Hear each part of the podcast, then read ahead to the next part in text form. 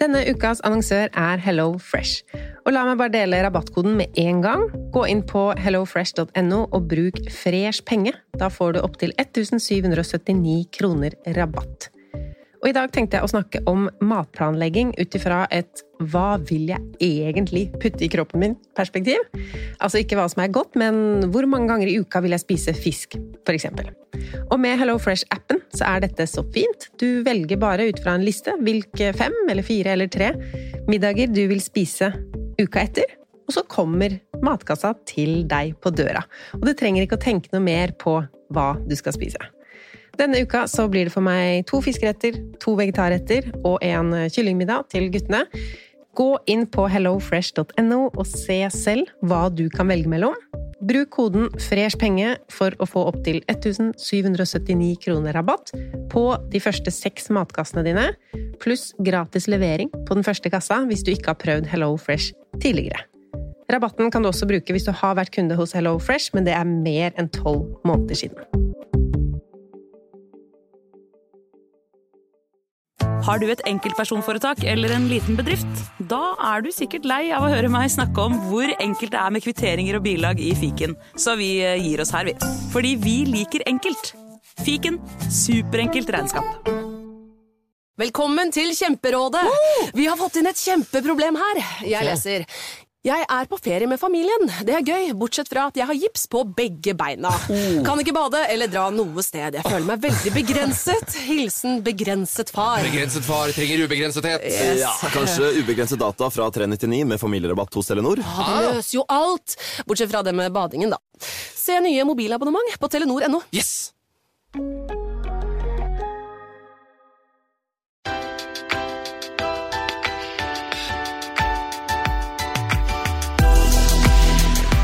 Velkommen til Pengesnakk podkast, som nå er ett år! Et helt år siden første episode av Pengesnakk podkast. Det føles rart å si et helt år, for det føles jo ut som mye lenger enn et år. Kanskje det føles ut som fem år siden. Det har skjedd så utrolig mye siden jeg satt i boden på loftet mitt og spilte inn de første episodene av Pengesnakk podkast. Nå har vi kommet til episode 34. Fordi i starten, de første månedene, så hadde jeg én podkast i måneden. Det ble litt for sjeldent, så da ble det annenhver uke i løpet av våren. Og etter sommeren så har det vært podkast hver uke. Så det har vært en travel høst for meg. Det er litt rart å si etter jeg sa opp jobben for å satse på pengesnakk, så har jeg hatt mer enn nok å gjøre med podkaster hver uke, blogginnlegg, medieting, og dere veit jo hvor mye jeg elsker sosiale medier, kanskje spesielt Instagram. Facebook har jeg blitt litt mer glad i nå, som gruppen Pengesnakkerne er oppretta. Um, hvis du ikke er med på alle disse sidene, så legger jeg link til alt sammen i blogginnlegget som du finner på pengesnakk.no nå. Jeg spurte dere her om dagen om TikTok, om dere er på TikTok, det hippe, nye sosiale mediet. Helt nytt er det ikke ennå, men kanskje litt nytt i Norge foreløpig. Det var bare 24 av dere som svarte at ja, vi er på TikTok, så da dropper jeg det foreløpig. Jeg trenger jo ikke å bli travlere enn jeg er. Selv om nå er jo boka mi sendt til trykken, og jeg ikke har sånne store skriveoppgaver, så har jeg nok å gjøre. Så jeg får jo fortsatt beklage til de av dere som har sendt meg e-poster som jeg ikke har rukket å svare på. Denne episoden har jeg tenkt litt forskjellig om. Altså, hva skal den handle om, denne ett år med pengesnakk? Jeg måtte jo ha en uh, liten feiring av det. Tenkte at jeg kunne gå gjennom året og de temaene vi har snakket om, men så ser jeg jo på statistikken at de av dere som har funnet podkasten i løpet av året, også hører dere bakover. Eh, for å gi dere litt statistikk, så er det nå 80 000 nedlastninger hver eneste måned. Eh, og det er 30 000 ulike personer som hører på podkasten. Denne episoden som har vært aller mest populær, det er episode to, som heter Mine aller beste sparetips. Så hvis du ikke har hørt den ennå, så kan du gå tilbake til episode to og lære av meg mine beste sparetips. Så, men istedenfor å oppsummere podkaståret, så skal jeg ta dere med helt tilbake til starten av Pengesnakk. For Pengesnakk var jo ikke først en podkast. Det er jo litt artig at jeg kalte universet mitt for Pengesnakk, selv om det jo egentlig var pengeskriv i starten. Jeg hadde jo bloggen pengesnakk.no først. Det er veldig gøy at dere liker podkasten så godt, forresten. Jeg lagde jo eh, podkasten som en liten extension til bloggen, som tenkte de som er ekstra ivrig på penger og økonomi, de kan i tillegg høre på podkasten. Men nå er det jo podkasten som kanskje er enda mer populær enn bloggen. Så det er veldig stas at dere vil høre om eh, penger og sparing og økonomi. Det er jo veldig bra for deg at du setter deg inn i de temaene, og så er det hyggelig for meg som får lov å snakke om det iTunes har eh, valgt ut, eller sett på statistikk, jeg vet ikke helt hvordan, men jeg, eller altså Pengesnakk podkast, er på lista over Best Listens of 2019. Hæ? Jeg har egentlig ikke noe mer å si om det, annet enn eh, ja, gratulerer, Lise. Jo, takk for det. Eh, jeg liker jo egentlig veldig godt å ha podkasten alene, men akkurat her så merker jeg at jeg kunne trengt en sidemann å feire med. For man må jo feire ting. Og som jeg sa, det her året har gått så fort, eller mye av det som har skjedd med pengesnakk, spesielt det siste året, eller bare det siste året, egentlig, jeg glemmer noen ganger å tenke over hvor stort og bra ting egentlig er, da. Altså, jeg har vært på forsiden av VG med sparinga. Det er ikke et mål jeg hadde akkurat, å være på førstesida av VG, men det er jo heller ikke noe jeg trodde jeg noen gang skulle få oppleve eller være i posisjon til, så det er jo litt big. Og det er jo ikke bare VG jeg har vært på forsida av heller. Sparinga mi har vært på forsiden av Dagens Næringsliv, Tønsbergs Blad, Budstikka i Bærum var det siste. Og det er jo bare forsidene. Alle aviser som har skrevet om både økonomisk uavhengighet, sparing, forskjellige tips og ting jeg driver med. Kapsgarderoben min har jo vært på TV. Radio har jeg vært på mange ganger i løpet av det siste året. Sparing er i vinden. Og det passer jo bra for meg, siden det er det jeg driver med. Da jeg starta Pengesnakk på Instagram, så var det jo ingen, ikke i Norge i hvert fall, og i hvert fall ingen privatpersoner, som snakket om penger og økonomi i den kanalen. Og det er så utrolig gøy å se at det nå er hundrevis av sparedamer på Instagram. Mest damer er det. Tagg meg gjerne med pengesnakk, så dere ser, så jeg ser hva dere driver med. Fra å være bare meg, er det jo nå et helt community av alle typer sparere. Altså, noen er på vei ut av gjeldssituasjoner, andre er mer opptatt av investering. Altså, spennet er jo veldig stort i disse økonomikontoene. Jeg har intervjuet én av dere, og den episoden kommer i januar her i podkasten. Jeg ble plutselig litt eh, effektiv når boka mi var levert, så jeg har spilt inn flere episoder med gjester, og fra å ha det sånn at eh, podkasten var noe jeg måtte finne ut litt i farta hva jeg skulle snakke om, så har jeg det nå sånn at jeg kan tenke meg litt om på forhånd. Og det føles jo veldig deilig å kunne være kreativ utenfor bokbobla, for mens jeg holdt på med boka samtidig, og jeg skulle lage en podkast, så ble det vanskelig å lage noe helt nytt, samtidig som jeg ikke ville ha en podkast om akkurat det samme som jeg skrev om i boka akkurat den uka. Heldigvis så gikk jo det bra å sjonglere begge deler, og en av de episodene som jeg har fått aller mest tilbakemeldinger på, det er den som heter Småpenger, eller Verdien av småpenger. Den kom ut for noen uker siden. Veldig hyggelig, faktisk, å høre hva er det som faller i smak, og ikke. For den episoden, da tenkte jeg at det var litt mye babling fra min side, men den likte dere altså veldig godt, og flere av dere har sendt meg melding om at den måtte jeg vise til barna mine, eller den måtte jeg få mannen min til å høre på, så det er veldig gøy. Men jeg skal ta dere med på en liten reise i tiden i dag, tilbake til da jeg startet pengesnakk.no. Første innlegg der, det skrev jeg allerede i 2015, og det var dette. Så hyggelig at du har funnet veien til min nye blogg. Kan man kjøpe lykke? Har jeg råd til å spare? Hva er en aksje? Hvordan kan jeg bli rik? Hvorfor snakker vi ikke mer om penger? Hvordan skal jeg få råd til det jeg har lyst på? Jeg gleder meg stort til å blogge om privatøkonomi. Og jeg tenker da, når jeg leser den nå, er bare sånn Altså, det er gøy å se tilbake på hva jeg tenkte at bloggen pengesnakk.no skulle handle om, og å se at fem år senere fortsatt litt rart at det er snart fem år, for eh, det var jo først i fjor høst, altså for ett år siden, at jeg virkelig startet å jobbe med pengesnakk, ikke bare litt skriving inne på en hemmelig blogg. Eh, og det er det kanskje mange av dere som ikke visste òg. både det at den var hemmelig, og at jeg har hatt pengesnakk siden april 2015. Eh, og det som var grunnen til at den var hemmelig, eller ikke hemmelig, den var jo anonym, eh, det var litt det at det var jo ingen andre som skrev om disse temaene. Og de som hadde blogger om det, de var anonyme. Så da, da var jeg det òg, da. Helt til jeg fant ut at det er jo egentlig ikke noe poeng, det. Og at det er mye gøyere å være her med hele meg, snakke, vise bilder, tørre å snakke om penger. For noe av det jeg brenner for, er jo at vi skal snakke om penger. Og da var det jo litt tåpelig å være anonym, så da, da slutta jeg med det. Og innlegg nummer to, nå er jeg helt på starten på pengesnakk.no, innlegg nummer to, det handla om å finne ut om renta på boliglånet ditt er god. Og det snakker vi jo fortsatt om, ikke sant? Inne på gruppa Pengesnakkerne på Facebook diskuterer vi de samme tingene. Følge med på renta, hvordan den er i de ulike bankene, tipse hverandre om hvilke argumenter man kan bruke hvis man har lyst på en lavere rente. Jeg um, var jo uten boliglån i noen år, men siden vi i sommer flytta til enebolig med hage, som jo var dyrt, så har jeg lån igjen nå, og følger da med på at rentene øker, bare siden jeg tok opp lånet for noen måneder siden. Jeg skal ikke snakke om uh, alle innleggene, altså det er 200 innlegg på pengesnakk.no nå. Men det som er med de fleste av de, da, eller sånn økonomi, de fleste ting i privatøkonomien, den måten jeg kommuniserer de på, det er ikke så veldig tidsbestemt.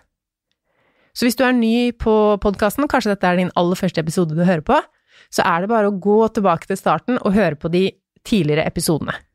Jeg har laget et eh, blogginnlegg med linker til eh, alle de innleggene jeg snakker om nå, så du kan bare høre på nå, og så kan du gå inn og sjekke der hvis du vil leite opp det seinere. Eh, og når jeg sier at jeg har laget, så betyr jo det at jeg skal lage, for jeg sitter jo her nå i forrige uke, så da skal jeg lage det blogginnlegget til dere i helgen. Jeg skal eh, på hyttetur med den lille familien min, og det gleder jeg meg så til. Jeg er så glad i og stolt av den lille gjengen min.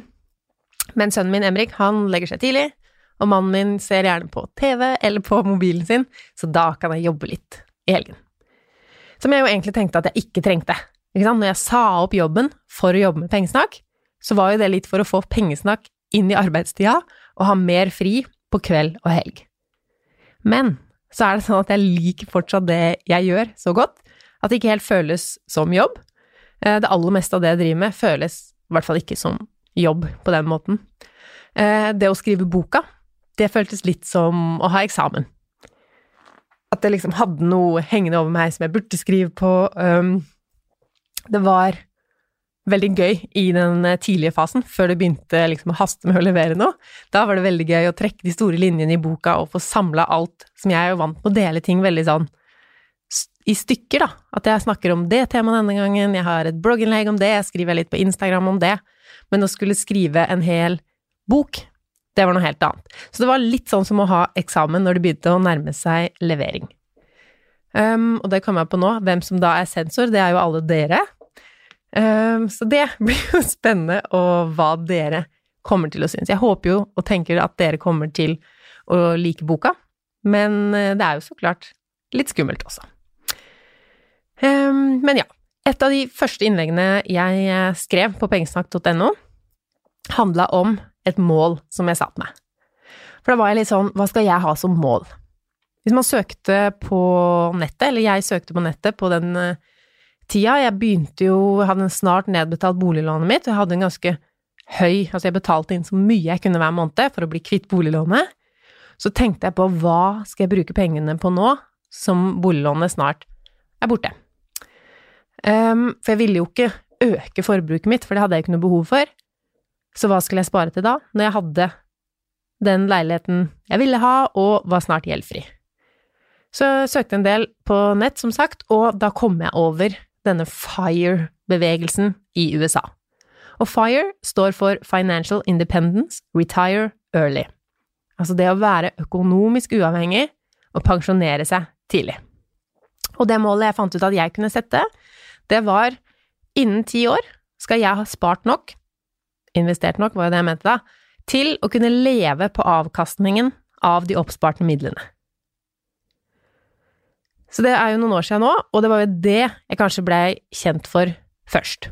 Det var derfor jeg ble intervjuet til Dagens Næringsliv julehelgen i fjor, og derfra kom det jo en del lyttere til min nyoppstartede podkast da, så det var jo veldig god timing sånn sett. Eh, så jeg har laget en episode som heter Økonomisk uavhengig. Det er episode nummer tre av podkasten, som kom ut 1. januar i år.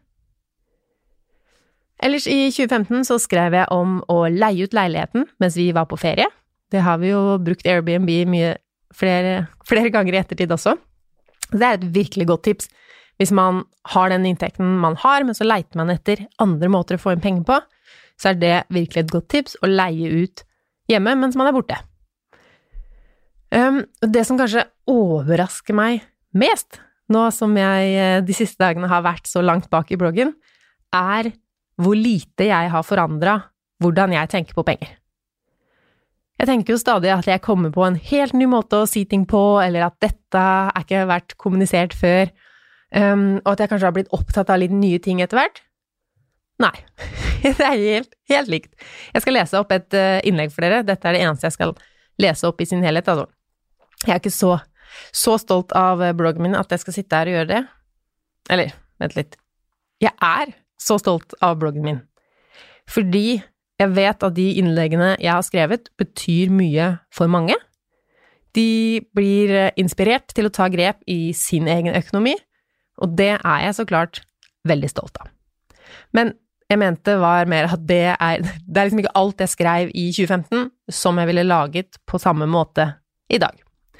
Men det innlegget jeg skal lese, det heter Jeg lever luksuslivet. Jeg starter hver dag med en caffè latte i sengen. Så kjører jeg bilen vår, som var helt ny i september, til jobb. På, I kveld skal jeg trene på et av de beste treningssentrene i Oslo, før jeg skal legge meg i boblebadet hjemme i den store toppleiligheten jeg bor i, sentralt i Oslo. Der skal jeg ligge så lenge jeg orker. Hvis det ikke er sol ute, da. Da sitter jeg heller på en av de to terrassene våre. Jeg lever et luksusliv med en bankkonto som vokser seg større for hver måned. Hvordan er det mulig? Hvordan kan jeg ha alt jeg ønsker meg, og allikevel spare så mye som jeg gjør? Jobben min er jo helt vanlig, og lønna mi også. Det enkle svaret er at jeg bruker mindre enn jeg tjener, og sparer resten. Det daglige forbruket mitt er minimalt. Se igjen på dagen jeg beskriver ovenfor. Kaffen drikker jeg hjemme, selv om jeg har en Starbucks kaffebar i underetasjen. Bilen vår er elektrisk, så jeg sparer faktisk penger på å kjøre den framfor å ta toget. Sammenlignet med en bensinbil sparer jeg enda mer. Abonnement på treningssenteret gir helsegevinst, samtidig som det er en investering i lykke. Jeg trives, trives så mye bedre med meg selv når jeg trener, og sammen med mannen min blir det ofte en tur på treningssenteret. Engangskostnaden per trening blir ikke særlig høy, og i forhold til en annen type date sparer vi masse. Å slappe av i badekaret med en podkast eller et magasin koster ikke mer enn de literne med varmtvann jeg bruker. Abonnementet på magasinet fikk jeg i bursdagsgave. I forhold til om jeg skulle dratt på et spa eller svømmehallen, er det mye roligere hjemme på badet mitt, og jeg får virkelig samlet tankene. Ligger jeg i badekaret, slipper jeg å se på TV. Det er lett å tro at man ikke blir påvirket av reklame og produktplasseringer. Jeg er ikke så sikker. Uansett greit å ikke vite hva reklamen mener jeg trenger for å bli lykkelig. Jeg er jo allerede lykkelig. Ikke har vi så mange kanaler heller. Vi betaler NRK-lisensen, men har ingen kanalpakker, Netflix eller lignende. Å bo sentralt gjør det enkelt for meg å komme meg steder, også til fots. Det er mange fristelser i en storby, men mengden av butikker gjør det også lett å sammenligne varer og vurdere priser før jeg går til innkjøp av noe. Leiligheten vår var veldig dyr, og vi bruker penger på oppussing. Det er noe jeg helt bevisst prioriterer. Å bo fint gjør meg lykkelig, og derfor er det viktig. Vi kjøpte stort nok til at vi slipper å flytte den dagen vi skal bli flere. Kjøp, salg og flytting koster mye, så det vil for de fleste være økonomisk smart å gjøre dette så sjelden som mulig. I leiligheten har jeg plass nok til å ta imot gjester, og familie. På overnatting eller bare på kaffe- eller middagsbesøk. Det sparer oss penger i forhold til å måtte møte folk ute på restauranter og kafeer, samtidig som jeg synes det er mye hyggeligere å ha besøk hjemme. Jeg er veldig heldig som lever som jeg gjør, men jeg har ikke fått noe uten å jobbe for det. Jeg bruker pengene jeg tjener på å gjøre meg lykkelig, og jeg kjøper ingenting som ikke gir meg lykke. Gjør du? Altså, det er jo akkurat sånn jeg snakker i 2019. Altså, nesten fem år senere så er jeg på samme greia. Jeg kjøper ting som gjør meg lykkelig, ikke ting som ikke gjør meg lykkelig. Sånn er det liksom med den saken, og det kan jo du gjøre også. Og det er liksom sånn, det jeg har funnet ut, da, er at det er to grunner til at det vil gjøre deg mer lykkelig å lage den regelen for deg selv at du bare kjøper ting som gjør deg lykkelig. Og noen tenker kanskje at det er jo veldig selvsagt, at jeg ikke skal kjøpe ting som det ikke er noe vits å kjøpe. Men veldig mange, og det veit dere som har prøvd forbrukslisteutfordringen fra september, at det er mange kjøp som blir gjort nesten helt sånn ubevisst. Vi bare bruker penger um, uten å tenke over at dette er jo penger jeg faktisk har jobba for og tjent, og da skal jeg bruke de, de på noe som virkelig betyr noe. Så det første som skjer når du bestemmer deg for det, da, det er jo at du kjøper færre ting. Altså hvis du har lagt lista så høyt at tingen skal gjøre deg lykkelig før du i det hele tatt vurderer å kjøpe den, så kjøper du mindre. Så da får du spart mer. Og bare den kontrollen på forbruket og pengebruken, det vil gjøre deg lykkelig. Og så, så er det noe med det du faktisk velger å kjøpe, da. Hvis du mener at det skal gjøre deg lykkelig, så gjør det faktisk det også. Altså helt på små ting, hvis du velger at um, ja, jeg skal kjøpe den honningen som er litt mer fancy, den som er økologisk, den som har et fint glass, den, den gjør det meg lykkelig å kjøpe. Hva skjer da hver gang du skal spise frokost eller ta en kopp te med honning? Du blir minnet på den lykkefølelsen som du mener det skal gi deg. Du sitter der og nyter den luksusen du har valgt deg ut, og det gjør deg faktisk til et lykkeligere menneske, for du blir mye mer vant til å sette pris på ganske enkle ting, ikke sant, bare det er favorittpålegget ditt, eller hvis du har ment at et nytt par sko skal gjøre deg lykkelig, da.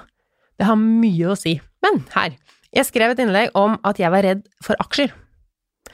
Og det kjenner du deg kanskje igjen i. Mange, eh, og jeg tror spesielt kvinner kan kjenne seg igjen i det her, de er redde for å ta risiko med pengene sine. Og hvis det er deg, hvis du er litt redd, men samtidig nysgjerrig, for det er jo fristende å få avkastning på penger vi skal ha stående lenge, så kan du gå og høre på den episoden som heter Investoren meg, med Beate Engelsjøen og meg. Den har fått mange som var redde for aksjer, til å faktisk begynne å investere. Eh, og sånn var det for meg òg i starten. Jeg syntes det hørtes kjempeskummelt ut. Det hørtes ikke noe mer sikkert ut enn å spille på hest. Liksom. Ja, du kan få en god avkastning, men du kan også tape alt. Det var sånn jeg så på aksjer, før jeg fant ut at det var ganske feil. Og det er mange grep man kan ta for å gjøre investeringene sine smartere og langsiktige og spredd, sånn at risikoen ikke er så høy. På bloggen så har jeg også skrevet om eh, strømsparetips, eh, at vi leide ut ferien vår når vi var på ferie. Det må jeg ha skrevet om to ganger, sa jeg ikke det i stad. Um, at det er mye bedre å kutte månedlige utgifter enn engangsutgifter. Altså hvis du finner, hvis du går gjennom kontoutskriften din, da, det er for øvrig et veldig godt tips å gjøre det, bare gå inn i nettbanken og se på hver eneste linje, så ser du hva du finner. Kanskje er det noen abonnementer som du egentlig ikke setter så pris på.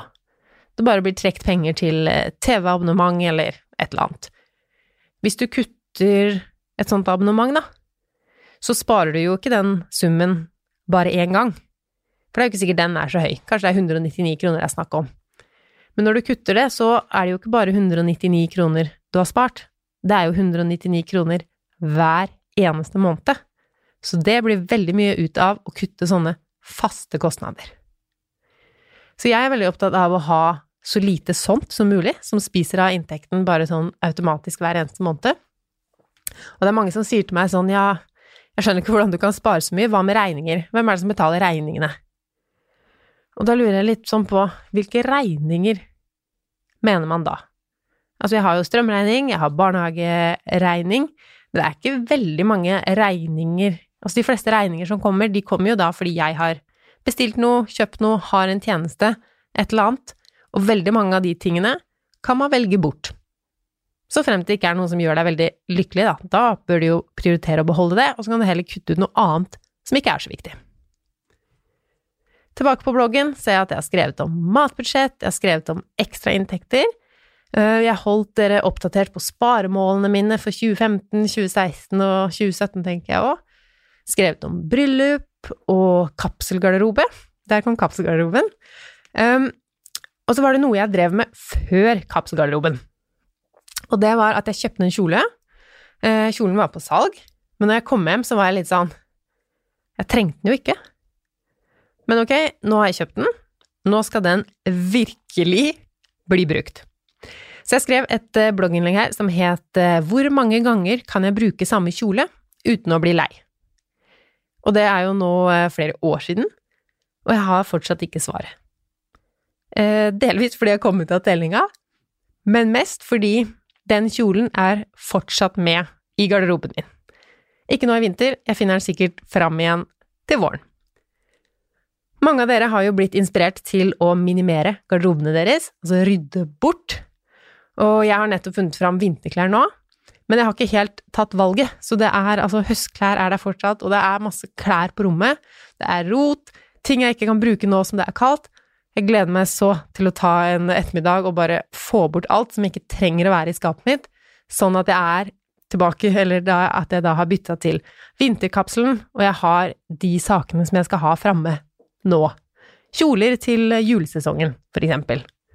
Og det er jo også et tips som um, du burde ta en titt på dine juleklær. Kanskje ingen som har egen kategori som er juleklær, men vi har kanskje noen sånne kjoler som eh, glitrer litt, eller noe sånt, som du da ikke bruker på sommeren, eh, men den passer nå. Så sørg for å bruke den. For det blir fort sånn at eh, ja, du er invitert på et julebord, og så lurer du på hva du skal ha på deg, eller tenker jeg trenger noe eh, til julebordet, eller til nyttårsaften. Sjekk hva du har hjemme. Og hvis det er sånn den her har jeg hatt på julebordet før, jeg tror ikke at noen bryr seg så mye om hva du har på deg, som du selv tror. Eh, altså, noen bryr seg kanskje, og det er jo hyggelig, og hvis du bryr deg selv, så er det jo viktig. Jeg bryr meg ikke så mye om det, men så har jeg heller ikke noen kollegaer lenger, da, så det er jo ingen som kommer til å se meg på mitt julebord. Det blir kanskje litt stusslig. Eh, trikset var at du kan byttelåne. Hvis du har en kompis eller venninne med samme klesstørrelse, finn ut hvordan garderobene deres til sammen gjør at ingen av dere trenger å kjøpe noe nytt denne sesongen. Yes. Tilbake på bloggen så ser jeg jo eh, at jeg har skrevet om hvorfor jeg betalte ned mer på Lånekassa enn eh, jeg måtte, Lånekasselånet. Det som jeg er opptatt av, er jo det at økonomi handler mye om følelser også. Det er ikke bare tall og lønnsomhet inni privatøkonomi, det er følelser. Og en følelse som er viktig for meg som person, det er trygghet. Og det var jo også med på å gjøre at jeg var litt treig med å begynne å investere. Eh, jeg er ikke så glad i å ha lån, så for meg så var det fint å bruke litt ekstra penger hver måned på å betale ned på studielånet. Jeg skrev om å klippe håret selv, eh, reparere ting som blir ødelagt.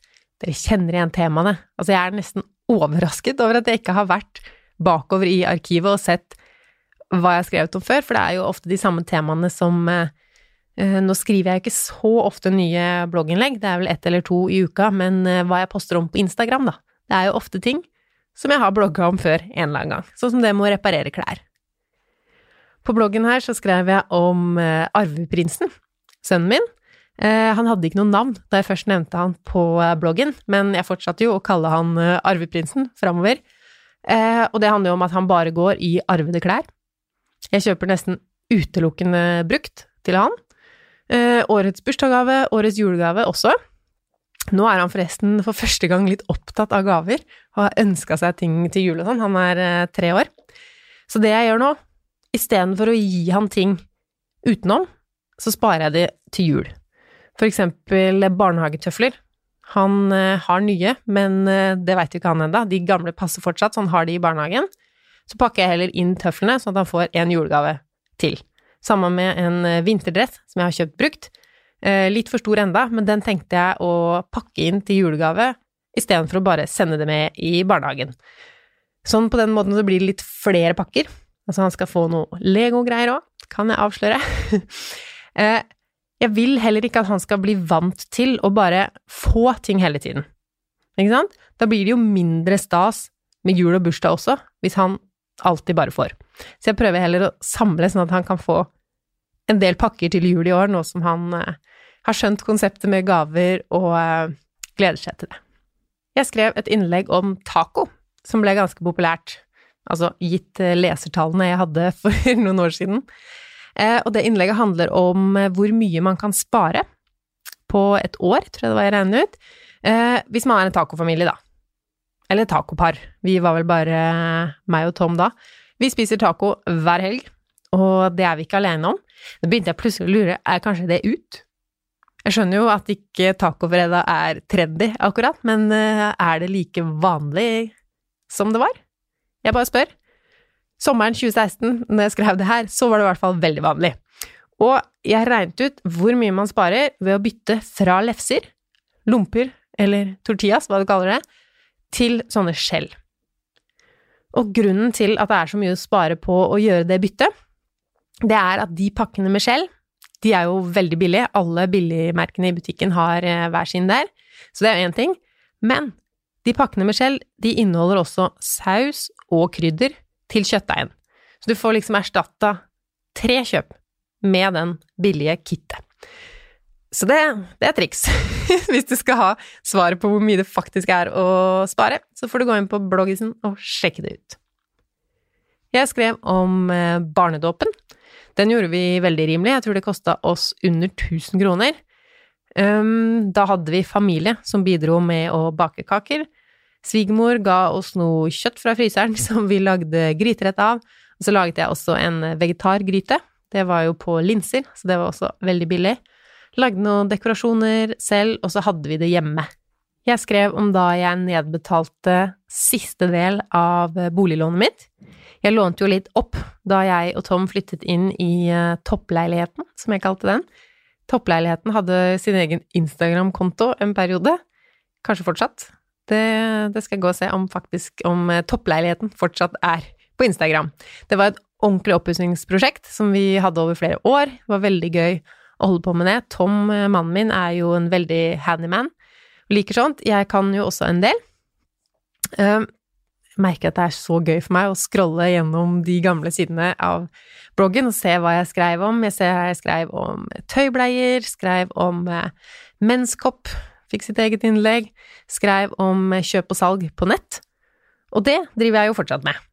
Nå er det jo innspurt av Selge 100, som er et prosjekt jeg har hatt gående om å selge 100 ting i 2019. Jeg skal lage en egen episode om det nå ved årsskiftet, for jeg tenker at det er kanskje noen av dere som vil gjøre det for 2020. Har du noen spørsmål når det gjelder det å selge tingene sine videre? Send meg det på Instagram eller på Facebook kan også sende meg en mail på lise at pengesnakk.no hvis du har noen temaer, innspill eller spørsmål. Så kom jeg til da jeg slutta å blogge en stund. Det var mot slutten av 2017. Eh, jeg var ikke så motivert til å skrive. Jeg begynte, da var det jo noen følgere, og så følte jeg sånn jeg må legge ut et innlegg, jeg må legge ut et innlegg. Men ved siden av eh, jobben, jeg hadde jo blitt mamma da, så følte jeg ikke at jeg hadde så overskudd til å skrive. Så jeg la ned bloggen, og savna det etter kanskje en eller to uker. Eh, men jeg holdt meg unna en stund, og tok vel nesten et år før jeg starta bloggen igjen. Og da var jeg mye mer bevisst på det at jeg gadd ikke å ha en anonym blogg. Hvis jeg skulle blogge, så var det med hele meg. Så et av de første innleggene, nå har vi altså da plutselig kommet til høsten 2018, da gjorde jeg en sammenligning av mitt forbruk de første seks månedene i 2018 ned på kategorinivå eh, regna jeg ut alt sammen, og sammenlignet mitt forbruk med SIFO sitt referansebudsjett. Det skal jeg også linke til fra blogginnlegget til denne episoden, for det er ganske mange som spør om forbruket mitt. Kanskje litt indirekte òg, at uh, hvis det er en eller annen artikkel om hvor mye jeg sparer, eller noe sånt, så skriver noen i kommentarfeltet at uh, ja, det, den oversikten skulle jeg likt å sett. uh, så er det faktisk noe som finnes.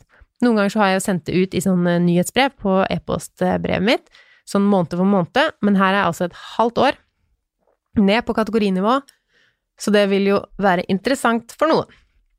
Jeg skrev om eh, staycation, som jeg snakket om i podkasten for ikke så lenge siden, skrevet om elbil, fondssparing til barn, hjemmelaget såpe. Nå ser jeg plutselig at vi er i 2019, så jeg tror jeg eh, avslutter den gjennomgangen der, fordi mange av dere har jo vært på bloggen i løpet av 2019 og lest innleggene det siste året. Så det var liksom blogghistorien om pengesnakk.no, hvilke temaer som har vært opp igjennom. Jeg scrolla forbi mye, men overraskende gøy for meg å se tilbake på dette, og se at eh, det er mange som sier sånn Har du Hvordan kan du fortsette den podkasten? Har du liksom evig med temaer?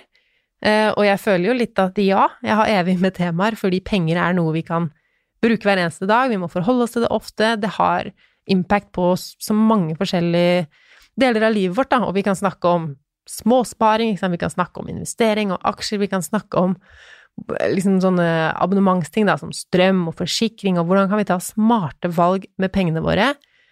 Eh, jeg føler jeg har evig med ting å snakke om innenfor temaet penger, men også veldig gøy å se at det er en del ting som, som jeg kommer tilbake til ofte. Og det er jo det som også er gøy, at dere liker å høre om de tingene, da, at dere er en del av dette universet jeg har skapt, og dere godtar at jeg snakker om alt det jeg snakker om, da. Fra garderobe og hjemmebakt brød til fondsinvesteringer og sånne ting. Så når det gjelder podkasten, um, den fortsetter jeg med i 2020 også. Håper jo så klart at dere vil følge med. Det som kommer til å kanskje endre seg litt, eller det har det jo allerede gjort de siste ukene, er at det blir oftere intervjuer. Det kommer fortsatt til å være mye meg, så jeg håper jo dere liker det. Neste mandag så skal jeg snakke med en veldig inspirerende dame som har laga sin egen business helt fra grunnen. Men frem til da så kan dere gå inn på Pengesnakkerne, fordi der er det noen ting som jeg vil at eh, du skal kommentere på. Jeg legger ut et bilde av meg og spør hvilken episode har du likt aller best? Du kan gjerne skrive eh, altså hva episoden het, og hvorfor du likte den, fordi da får jeg vite litt, altså muligheten til og gjøre mer av det dere liker best, ikke sant? Eh, og så kan du trykke på den taggen, altså nå er jeg inne i Facebook-gruppa Pengesnakkerne, der er det også en tag som heter Pengesnakkerne. Så får du opp det spørsmålet. Eh, du får også opp innlegg der jeg spør hvem du vil ha som gjest. Noen av de dere har allerede skrevet der at dere vil ha som gjest, har jeg intervjua og har invitert allerede, så det er gøy. Eh, og så har jeg også et innlegg der jeg spør hvilke tema vil du at jeg skal snakke om i podkasten. Tusen takk for at du har vært med dette året her. Ekstra tusen takk til deg som scroller ned i appen nå. For der kan du legge igjen en anmeldelse, hvis du vil, og så kan du legge inn fem stjerner. For det er bare fem stjerner jeg samler på. Noen av dere fikk jo med seg da jeg delte på Instagram Stories i forrige uke, at mamma skulle inn og gi Pengesnakk podkast en rating. Eh, og hun ga meg én stjerne, og to stjerner, og tre stjerner, og fire stjerner, og fem stjerner. Som jo drar ned det fine snittet som dere har sørget for at podkasten min har inne på iTunes. Så hvis du liker denne podkasten, denne episoden, eller sånn pengesnakk generelt, så må du trykke på den femte av stjernene. Altså den stjerna som er helt til høyre. Skroll ned. Først begynner vi å scrolle helt ned, forbi alle episodene så kommer det fem tomme stjerner. Trykk på den som er helt til høyre, så fyller alle fem seg, og jeg blir glad. Når du gjør det, så sørger du også for at podkasten blir mer synlig i iTunes, slik at enda flere finner den, som jo er bra. Mange har godt av å tenke litt mer igjennom hvordan og når de bruker penger. Noen av dere er jo så greie at dere legger igjen en liten hilsen også, så det skal jeg avslutte med å lese opp tre stykker her i dag. Takk til alle dere tre. Den første sier inspirerende, folkelig, lærerikt og gøy. Jeg elsker denne podkasten. En litt uøkonomisk sjel har blått, brått blitt veldig engasjert. Har hørt mange av episodene to og tre ganger, og ja, du har podkaststemme. Jeg gleder meg til neste, hver uke. Tusen takk for den, NHS92. Så er det en som heter Bettan70, som sier Du inspirerer og motiverer til å spare. Takk for en kjempelærerik podkast. Bare hyggelig. Jeg elsker det jeg driver med, og det gir meg veldig mening for meg når det også gir mening for dere. Jeg skal lese opp en siste, som er fra en som heter Meien Heijo, som skriver Anbefales.